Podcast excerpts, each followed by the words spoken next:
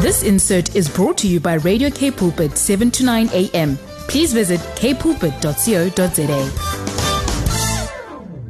Uh, Sons of Issachar founder and all around philanthropist, I must say, a man that really works uh, with a heart for the kingdom of God. And that is none other than Kurt Oliver. Um, taking some time out uh, to talk to us while the kids are like a noisy in the background. Good morning, Kurt. Good morning, Dimitri. Good morning to our listeners. Um, so so good to be uh, back in studio this morning. Um, you know, still in bed with the kids. They, they they're not well through the night. Oh. Yeah, they weren't well through the through the night. So, um, you know, I decided to just take some time and help Shanae with him this morning. Oh, that is wonderful. You're going to get the Husband of the Year award, my brother. Good. Um, Yeah. To to Shanae, thank you that uh, she still allows you to give us a couple of minutes and to talk worldview. What are you sharing with our listeners this morning? Yeah, a lo- a lot happening around the world, Dimitri. You know, uh, out in Russia, I actually read that that the Russia's actually uh, they stepped up. They stepped up with bombarding, with bombardment of Ukraine, and the President Zelensky actually urges citizens to find and seek. Uh, you know, cover from uh, these these bomb air raids, and out in Sri Lanka, we have a new president that is sworn in, and fire outbreak um, in Portugal. And you know, back home, and I don't know if you can remember, Dimitri, last week we spoke about the spirit of rebellion that is operating uh, upon the earth, and uh, especially within within our country. And you know, uh, in the week we had so much news um, throughout South Africa of all this violence that has been taking place, all the shootings in the taverns and, and things like that that has been taking place. And you know, even as I was praying about this, all that I heard, you know, that the Lord was saying to me is, as a people, how easily do we forget?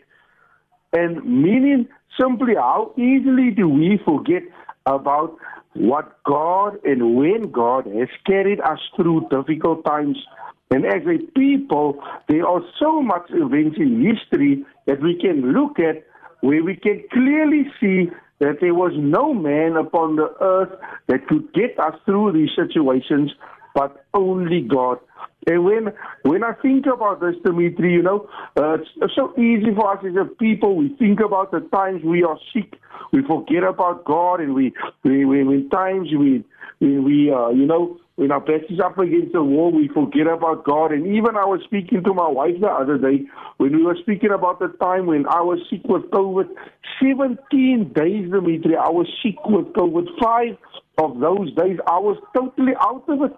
And I actually thought that, that I was going to die. I actually thought that, listen, this is the end. And I couldn't eat. I remember I couldn't eat. I couldn't breathe. You know, I couldn't walk. I lost so much weight. But yeah, I'm I'm speaking to you guys this morning, and I can honestly say that it is God that has carried me through this. And I know I'm speaking to somebody this morning, and like I said, when our backs are up against the wall, and there's nowhere we can turn, but then God comes through for us. And I'm so reminded about the story of, of Elisha and his servant when they were surrounded by the enemy in, in 2 Kings uh, 6 verse 14 to 17. And the Bible says that when the servant of the man of God got up and went out early the next morning, an army with horses and chariots had surrounded the city. Oh no, my Lord, what shall we do? The servant asked. Don't be afraid, the prophet answered. Those who are with us or uh, those that are with us are more than those who are with him.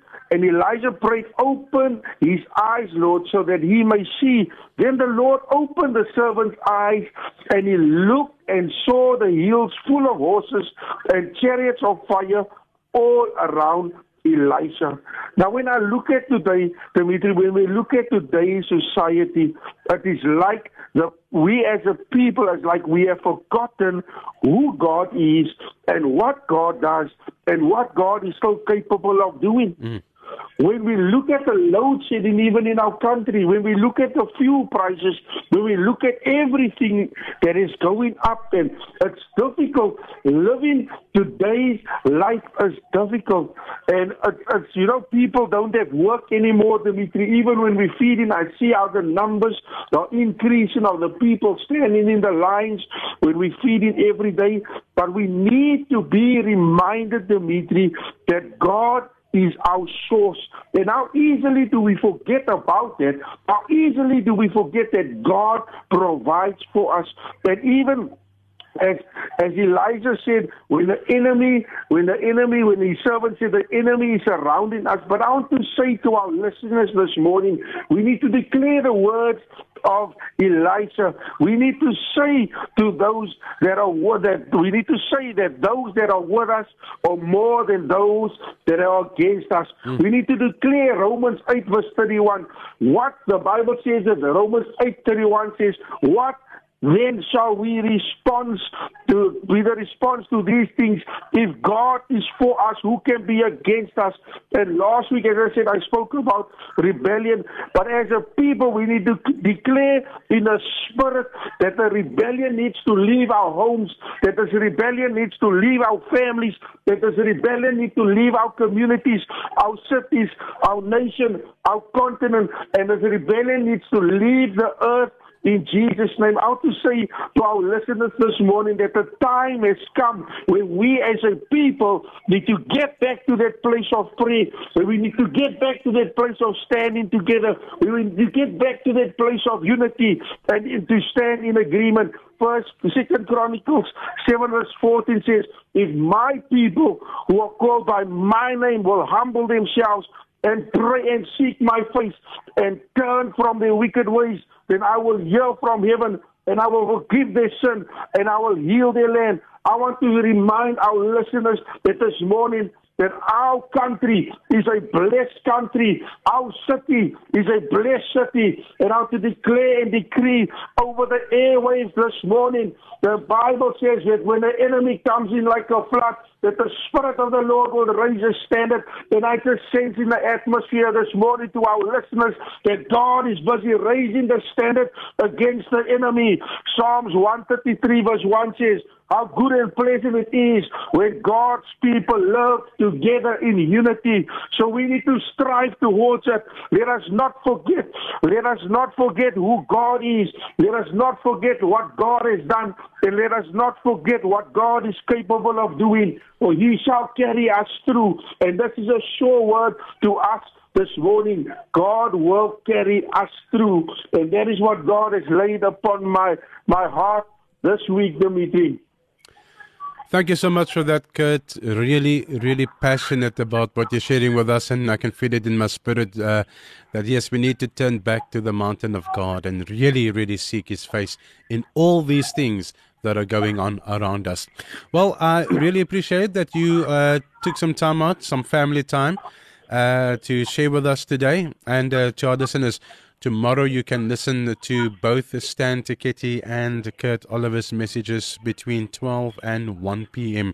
So we will repeat these messages so that you can have a double dose of a double anointing in what God wants to share with you through these messages. Kurt, thank you so much. Until next week, brother, have a great weekend further. Thank you, Dimitri, and thank you to our listeners. God bless. God bless you. Bye bye. This insert was brought to you by Radio K Pulpit, 7 to 9 a.m. Please visit kpulpit.co.za.